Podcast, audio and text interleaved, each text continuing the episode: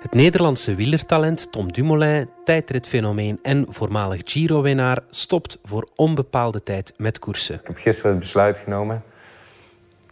En de ploeg uh, die, uh, steunt me daarin. En ja, het voelt goed. het voelt echt heel goed. Het is echt alsof er een, een rugzak van 100 kilo af is gegaan. En ik, ben, ik werd meteen helemaal vrolijk wakker van ja, dit is, het voelt gewoon zo goed dat ik eindelijk een besluit heb genomen van ik ga echt even de tijd nemen voor mezelf. En dat, uh, ja, dat, dat zegt genoeg, denk ik. Dumoulin gaat tijd nemen voor zichzelf om na te denken waar hij echt gelukkig van wordt. Misschien is dat het wielrennen, maar misschien ook niet. En daardoor wil ik het voor iedereen goed doen, zeg maar. Voor mijn ploeggenoten. En, uh, maar daardoor ben ik het afgelopen jaar eigenlijk een beetje mezelf vergeten. En uh, wat, wil, wat wil ik eigenlijk? En wat wil gewoon de mens Tom Dumoulin met zijn leven op dit moment. Ook de succesvolle zevenkamster Hanne Moudes, na Nafitiam is dat de beste in België, gooide haar topsportcarrière eind vorig jaar over een andere boeg. Allee Hanne, ja, je bent elfde in de wereld, je bent bijna geplaatst voor de Olympische Spelen. Ik stond toen op de ranglijst om wel echt naar de Spelen te gaan bij de zoveel beste. In een wereld die gedomineerd wordt door data en formules, vergt dat moed. Mensen kunnen dat heel moeilijk begrijpen van, ja, zijt jij zot? Is er eigenlijk wel plaats voor gevoelens in die wereld? Het is vrijdag 29 januari. Ik ben Alexander Lippenveld en dit is de podcast van De Standaard.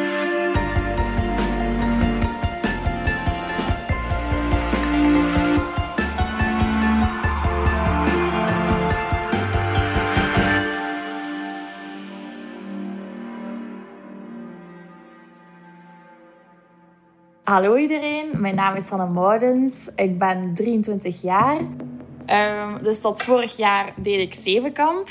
En ik heb daar ook wel mooie resultaten kunnen behalen. Ik werd bijvoorbeeld tweede uh, op het EK junioren en derde op het WK junioren. En ik heb ook de tweede prestatie aller tijden behaald, dus achter Nafitiam. Twee zomers geleden werd ik elfde op het uh, wereldkampioenschap in Doha. En omdat ik dan top 12 was, behaalde ik eigenlijk een uh, topsportcontract bij Sport Vlaanderen.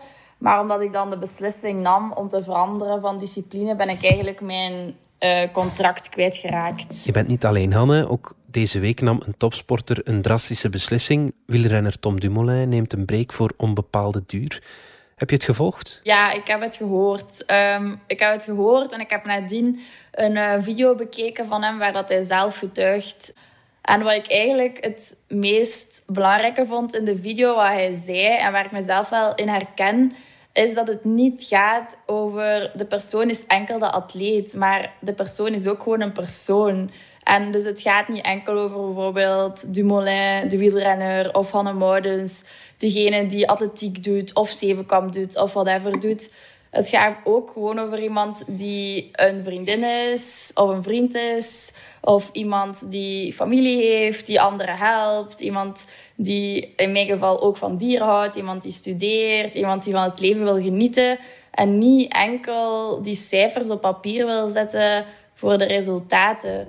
Want dat is ook hetgene wat mensen enkel zien. Het resultaat, de wedstrijd op tv of uw tijd dat uh, achter uw naam staat. Maar de mensen weten gewoon niet wat je er allemaal moet voor doen om er te geraken. En als je dan dat plezier verliest in het proces om er te geraken, ja, dan, dan zijn je echt niet meer goed bezig. Want dan kun je, als uiteindelijk je wedstrijd wel goed is, kun je wel van dat moment genieten van wow, ja, ik heb het, mijn werk heeft geloond, ik heb, ja, ik heb er alles voor gedaan.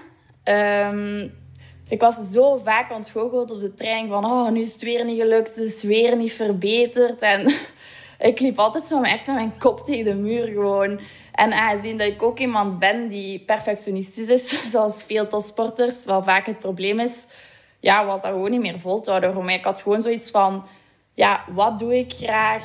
Waar, wat is mijn sterkte? Wat doe ik het liefste? Waarom ben ik met atletiek begonnen? En daarna heb ik dan teruggegrepen van, wat wil ik echt doen? Wat zijn echt mijn favoriete trainingen? En daardoor ja, heb ik die beslissing kunnen nemen. Thijs Roelen, eindredacteur bij De Standaard. Jij kent en volgt de wielerwereld als geen ander. Had jij het zien aankomen dat Tom Dumoulin ermee zou stoppen? Ja, Alexander hij had natuurlijk al uh, in het verleden vaker wel wat twijfels geuit. Uh, afgelopen maand lanceerde de NOS die documentaire waarbij ze echt in de wielerploeg, in Jumbo-Visma, gingen tijdens de Tour de France van afgelopen jaar. En daarin zag je ook echt een enorm twijfelende Dumoulin. Uh, Dus ja, daarin kon je het wel een beetje zien aankomen. En werd er toen meteen gedacht aan een mentaal probleem of werd het eerder gezocht bij fysieke problemen? Tijdens die tour werd het eerder op, echt op die fysieke problemen gefocust. Je kunt natuurlijk ook tijdens een tour niet veel meer bijsturen mentaal. Hè. Zorg dan maar dat die fysieke problemen echt opgelost zijn. Maar de Tour en afgelopen seizoen ook, uh, seizoen 2020, was voor hem eigenlijk ook een comebackjaar natuurlijk. Omdat hij uh, daarvoor lange tijd een blessure gehad heeft. En mhm. ja, dat is ook niet goed natuurlijk voor de, de psyche. Hè. Je, hebt, je hebt voldoende tijd om dan na te denken. Dumoulin is natuurlijk ook bij uitstek een renner die veel nadenkt. Dat is een intelligente jongen. Ja. Kan zijn gevoelens redelijk goed onder woorden brengen. Maar de echte wielervolgers merkten eigenlijk na die Giro-overwinning in 2017 merkte je de twijfels, uh, voelde je wel steeds meer uh, in zijn kop. Hij praatte daar ook openlijk over. Hanne, net als bij jou kwam de aankondiging als een donderslag bij heldere hemel voor de buitenwereld dan, maar niet voor zijn omgeving. Hè? Ja, sowieso. De mensen in mijn omgeving merkten wel dat. Allee, raar om te zeggen dat ik ik niet meer was. Dus ik was niet meer de persoon die superveel lachte, die zo stomme mopjes maakte. Ehm, en ook, ik, allee, ik was er ook niet meer voor de mensen rond mij. Zij waren er wel voor mij, maar ik had gewoon niet meer de energie of de zin of... Ik had gewoon niet door dat ik er niet meer was voor de andere mensen eigenlijk rond mij. En, maar ik heb dat zelf eigenlijk pas te laat beseft, dat ik mezelf aan het verliezen was in wie ik was. En ik merk nu wel dat ik dat nu wel terug helemaal ben, wie dat ik ben. Dus dat is wel, allee, daar ben ik wel blij mee. Heb je lang nagedacht over je aankondiging, hoe je die zou doen? Uh, goh, ik had zo voor mezelf, alleen vooral om het dan naar de buitenwereld te brengen, was het voor mij het beste gewoon om mijn verhaal op te schrijven. Omdat zo mensen het chronologisch konden volgen van waarover gaat dit. Um, en ook gewoon naar Sport Vlaanderen toe. Als ik dat niet had gedaan, dan zei waarschijnlijk zoiets van... Gat van, alles zeg, wij hebben hier al dat geld in handen geïnvesteerd. Niet enkel dat contract, maar ook van onkosten. Van, ja, zeg, die is hier zeker maar als voeten aan het spelen. Die gaat er even veranderen. Dus echt om dat te doen, moest ik dat bijna doen. Om, omdat ik niet wou dat journalisten mijn, iets van mijn verhaal zouden maken. Als elke journalist mij zou bellen en ik kan daar een uur mee aan de telefoon om heel mijn verhaal te doen dan maken zij ervan wat dat zij willen. Als nu de journalisten bellen, zei ik van ja, lees mijn verhaal op de site en je kunt het lezen. En als er dan iets anders in de krant staat, dan kan ik gewoon zeggen van zeg, waarom hebben jullie nu iets anders opgeschreven? Het staat er toch op die manier. Een topsporter die traint, slaapt en eet, dat lijkt een eenvoudig leven. En toch sluipen er soms muizenissen in het hoofd. Hoe komt dat? Is het de druk van buitenaf, Hanne, die aan de basis lag van je burn-out? Ja, sowieso leg ik mezelf druk op, van, want je wilt altijd beter doen uh, dan hetgene wat je al bereikt hebt. Ik denk dat dat een beetje een kenmerk is van iemand die topsport doet, dat je altijd beter wilt doen. Um, maar natuurlijk was de druk van Sport Vlaanderen ook hoog, omdat zij elk jaar vereisten stellen om je contract te behouden. En ik was maar 23 jaar. Uh, dus nog jong. En dan verwachten ze van ja, het jaar nadien zoveel plaatsen beter, dan zoveel punten beter. En ja, dat brengt gewoon stress met zich mee. Want je hebt door Sport Vlaanderen maandelijks inkomen. Maar natuurlijk, als je dat niet hebt, dan allee, wordt het allemaal veel moeilijker. En natuurlijk wilt je goed doen voor je omgeving. Natuurlijk wilt je goede prestaties halen om je omgeving blij te maken. Daarom moeten zij niet per se veel druk leggen. Maar jij legt die druk op om voor hen goed te doen. Um, en hetzelfde voor sponsors. Zij willen dat je in beeld komt, dan wil je dat je ook goed presteert, dat je iets kunt terugdoen. Ja, dat is eigenlijk zo'n beetje een vicieuze cirkel.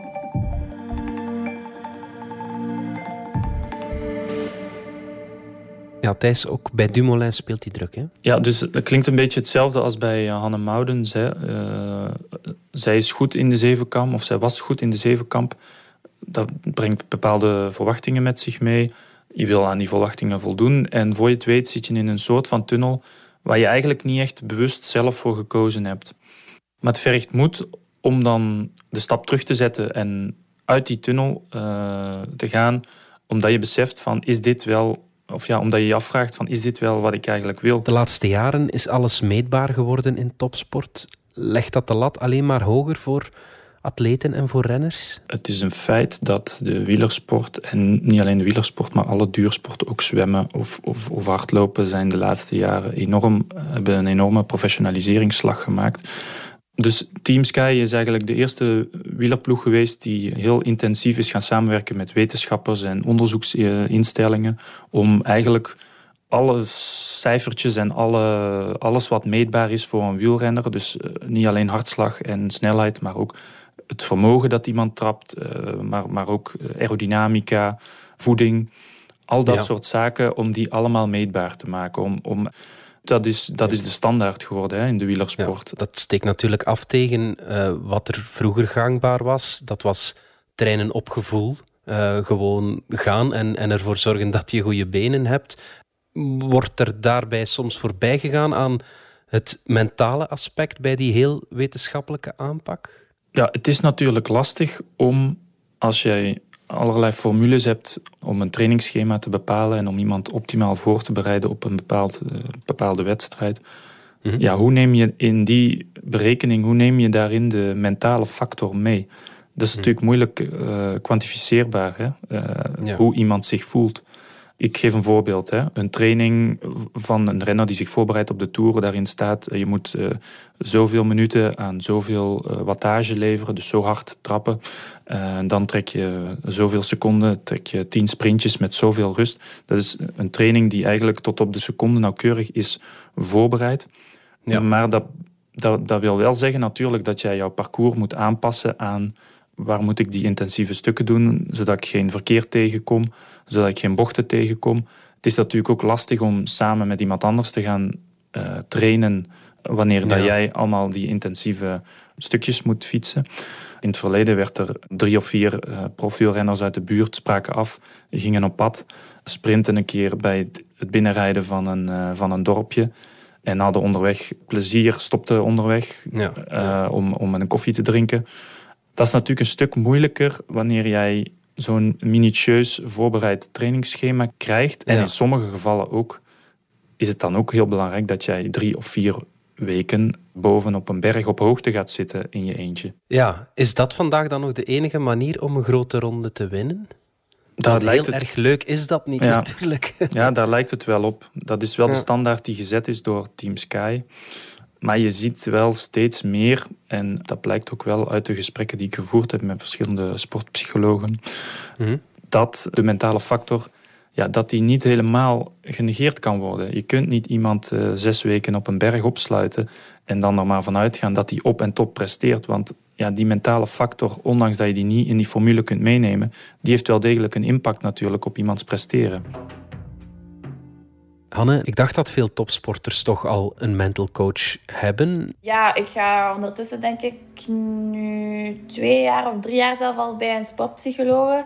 En uh, ja, mij helpt dat wel veel. En niet enkel uh, om over de sport zelf te praten, maar ook als ik het zo moeilijk had, ook om te praten over ja, die keuze en over je omgeving. En dus ja, eigenlijk los van die sport gewoon iemand hebben waar dat je echt alles kunt tegen vertellen en die ook mee dan managt eigenlijk, is volgens mij belangrijk. Ook iemand die neutraal staat, iemand die niet in je familie zit, iemand die geen coach is, iemand die, allez, iemand die geen oordeel trekt over iets. Zit dat niet standaard in de omkadering van een ploeg of van een organisatie?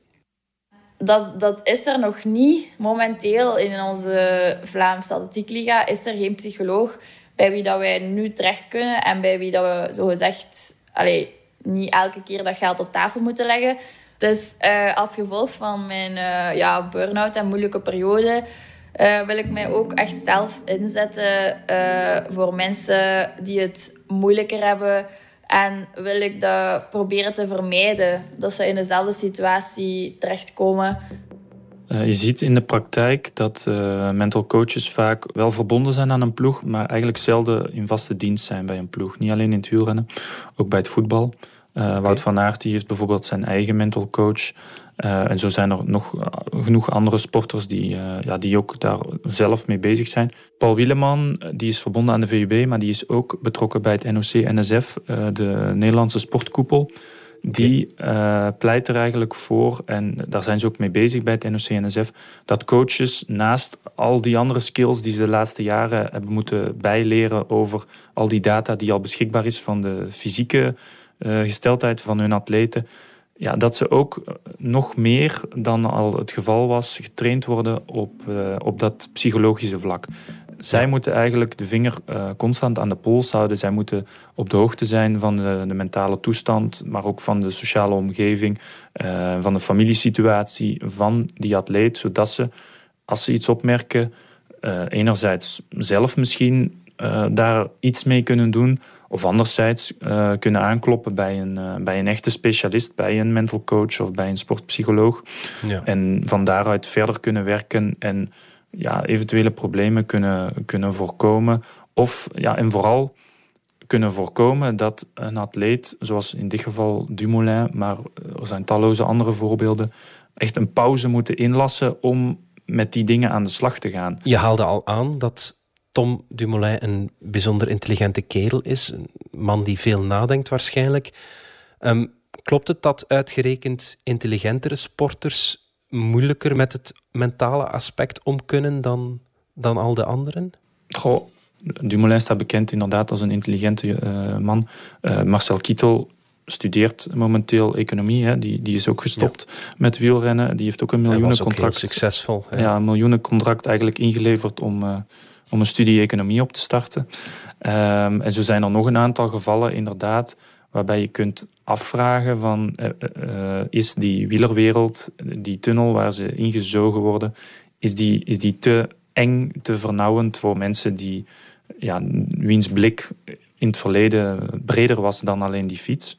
Ja. Je kunt dat niet zo zeggen, zegt Wieleman, maar je kunt wel een proces herkennen waarbij een atleet uh, niet alleen een atleet, dat kan ook in de, gewone professionele wereld, waarbij iemand een, uh, geprezen wordt. Bijvoorbeeld een Dumoulin die, die misschien wilde gaan studeren in het verleden, maar dan plots aanleg blijkt te hebben voor, uh, voor wielrennen. Hij wordt daarom geprezen. Er komen bepaalde verwachtingen, waardoor hij zelf ook daaraan wil voldoen. Waardoor hij stilaan in die tunnel gezogen wordt. En waardoor er misschien onbewust minder aandacht is voor die andere interesses die hij in het verleden wel degelijk had. Ja. Daarbij kun je wel zeggen dat een studie kan een vorm zijn van afleiding, zeg maar. Dus dat kan een reden zijn waarom dat ze gaan studeren, maar het kan evengoed uh, reizen zijn of, of uh, ja, een andere interesse die ze hadden. Ja. Dus het is niet per se gelinkt aan studie, maar mm -hmm. een studie kan wel een, een vorm zijn van afleiding van die, uh, van die tunnel waar dat ze ingezogen zijn.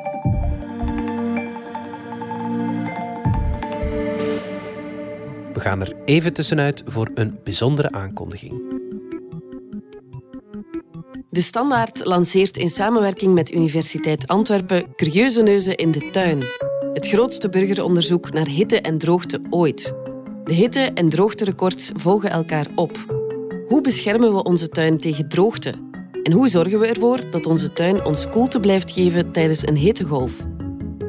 Net dat onderzoekt Curieuze Neuzen in de tuin. En we doen dat samen met u. Word een van de 5000 curieuze neuzen of burgerwetenschappers en ontdek ook hoe het gesteld is met uw tuin. Schrijf u in via de app DS Nieuws of via standaard.be-curieuze neuzen.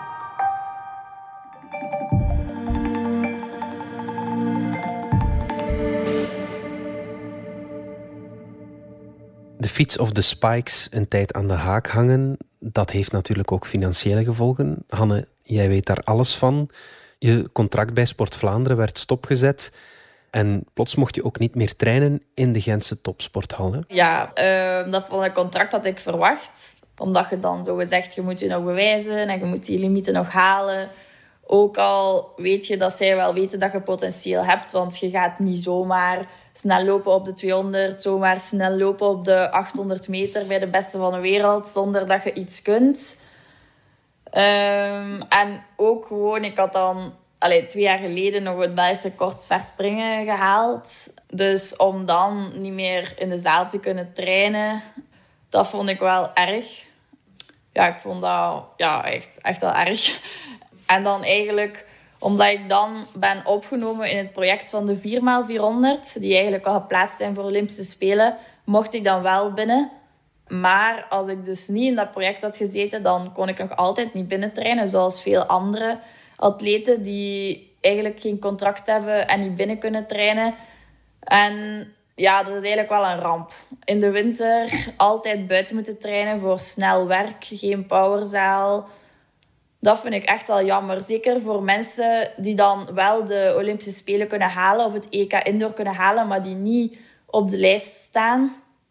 Vind ik het gewoon jammer dat zij, ja, dat zij niet binnen kunnen. De faciliteiten die zijn er dus al Thijs, wordt het mentale aspect de volgende stap in de ontwikkeling van de sport? Ja, dat is wat Rudy Heilen, de mental coach van Wout van Aert, mij ook zei.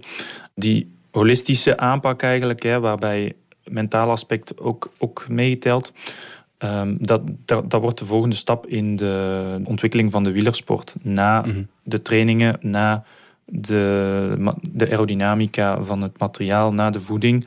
Uh, is dat een volgende aspect wat, er, wat erbij komt. En zoals inderdaad uh, Team Sky vijf tot tien jaar geleden de eerste stappen zetten met hun uh, wetenschappelijke benadering, zo voorspelt hij dat die holistische aanpak dat dat de volgende ontwikkeling in de wielersport zal zijn. En hij steekt eigenlijk meteen ook een pluim op de hoed van Jumbo-Visma omdat die volgens hem daar al, uh, ja, al behoorlijk in investeren. Bijvoorbeeld met Wout van Aert, maar ook met, uh, met coaches die naar allerlei sessies gaan en die daar mee bezig zijn. Als je terugkijkt, Hanne, werd je dan voldoende omringd? Kon je naast je psychologe bij iemand terecht tijdens heel dat denkproces? Nee, iemand professioneel uh, naast mijn psycholoog had ik eigenlijk niet. Maar uh, ik had natuurlijk wel ja, mijn beste vriendinnen, die waren er wel. En die konden mij wel begrijpen. En dan ook als ik dan de beslissing had gemaakt bij mijn nieuwe coach, allee, daar kon ik ook wel bij terecht om bepaalde dingen te bespreken. Mijn familie, allee, mijn zus en mijn ouders, zij waren er altijd al bij, allee, van kleins af. En zij deden er heel veel voor. En voor hen was dat heel moeilijk om te begrijpen van... Allee, hoe kan dat nu? Ons Hanne die doet dat niet meer graag daarvoor trainen. En die hadden al een reis naar Tokio gepland. En ik was al zo goed als geplaatst. En allee, ja, ik begrijp wel dat dat voor hun als een bom aankwam. Maar ja, toch ging het dan over mij. Van wat ik, wat ik wou en wat mijn dromen waren. En ik kon niet iets blijven doen dat ik niet meer graag doe voor anderen dat ging gewoon niet meer. Ik, ik, ik had dat lang gedaan, maar je kunt dat gewoon niet volhouden. Dus ja, daar lag dat dan moeilijker. Ze waren er wel voor mij, maar aan de andere kant botste dat dan weer. En ja, dat was heel moeilijk. Intussen staat morgen je eerste 400 meter wedstrijd op topniveau voor de deur. Dat is heel spannend, denk ik. Wat zijn je stoutste dromen in die nieuwe discipline? Ja, naast het aflossingsproject, waar dat inderdaad de snelste meisjes gaan lopen, wil ik mij ook individueel plaatsen. Dus in het begin was dat moeilijk om uit te spreken van ja, ik ga hier uh, individueel naar de Olympische Spelen gaan. Maar als ik nu voel dat de trainingen gaan, denk ik dat dat niet onmogelijk is. Nu, in het eerste geval op de 400 meter naar de Spelen uh, via de World Ranking. Dus dan moet ik vijf wedstrijden doen waar ik een goede tijd loop. En ook nog eens bonuspunten kan rapen op de grote wedstrijden. Dus ah ja, wat, wat mijn tijden betreft of mijn plaatsen, ja, dat vind ik moeilijk om daarover uit te spreken. Omdat ik zeg het, ik loop nu binnenkort een eerste wedstrijd en dan zal ik al wel zien waar dat ik sta. Maar ik ben nu ook nog in volle trainingsopbouw eigenlijk. Dus het is nog niet een wedstrijd waar ik zo echt naar piek. Um, en ja, waar ik van droom, ik droom van het onmogelijke. Ik ga mezelf geen grenzen opleggen. Ik denk dat dat het beste is om te dromen van, ja, geen idee wat dat er op mij afkomt. Maar ik ben wel iemand die mijn, mijn doelen hoog zet. En ik ben ook iemand die niet zo snel tevreden is op training. En mijn coach weet dat. En dus ja, mijn, natuurlijk heb ik wel een doel in mijn hoofd. wat ik wil halen een uh, super doel. Maar uh, ja, ik ga er nog wel voor mezelf houden. Hè. Kwestie van de druk niet te hoog te leggen. Misschien wel de belangrijkste vraag, Hanne. Ben je gelukkig? Ja, ja, ik ben zeker gelukkig nu. Kun je na zo'n sabbatical eigenlijk probleemloos terugkeren, Thijs? De wielrenner Louis Vervaken had een soort burn-out en heeft ook een pauze genomen om zijn eh, gedachten te herschikken en is effectief teruggekeerd. Maar uh, ja, in, het, in het, uh, de specialisatie die Dumoulin zich eigen heeft gemaakt, namelijk rondrenner zijn, op een leeftijd van 30 jaar, ja, kun je het je fysiek eigenlijk niet permitteren om, om langer dan een jaar pauze te nemen van die sport. Want je verliest natuurlijk ook een hoop van je, van je fysieke capaciteiten. Waarbij het heel veel tijd vergt om die, om die terug op te bouwen. Ja. Dus ja, eerst zal hij zijn persoonlijke issues moeten moeten oplossen, zal hij die antwoorden moeten vinden op de vragen die hij zich stelde. Uh, namelijk, wil ik wel wielrenner zijn? Wil ik in die tunnel zitten? Ja, en daarna inderdaad volgt eh, de vraag nog van... Kan hij na zo'n pauze überhaupt nog uh, op topniveau terugkeren? Want dat ja. is niet zo gemakkelijk. Misschien pak ik dezelfde trein uh, weer over twee maanden. Um, met heel veel frisse moed en weer goede zin. En misschien pak ik een hele andere trein. Ik weet het nog niet. Maar ik heb er gewoon echt even tijd nodig om daarover na te denken. En, en dat stelde ik dus steeds uit.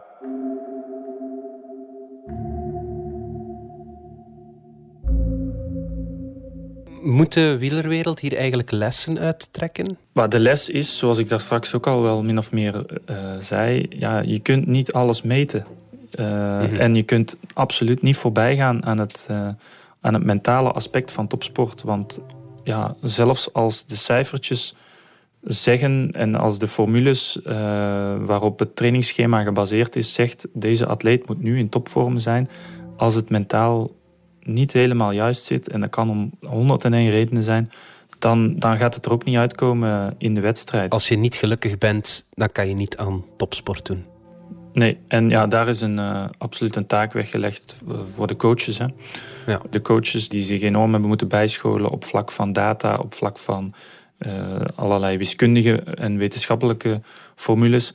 Ze moeten ook dat mentale aspect uh, zeker serieus nemen. En niet alleen bezig te zijn met het trainingsschema aan zich, maar ook met het mentale welzijn van, van hun atleten. Goed, Thijs Roelen, dankjewel. Graag gedaan. Dit was de podcast van De Standaard. Bedankt voor het luisteren. Reageren kan via podcast.standaard.be. Alle credits vind je op standaard.be-podcast. Maandag zijn we opnieuw.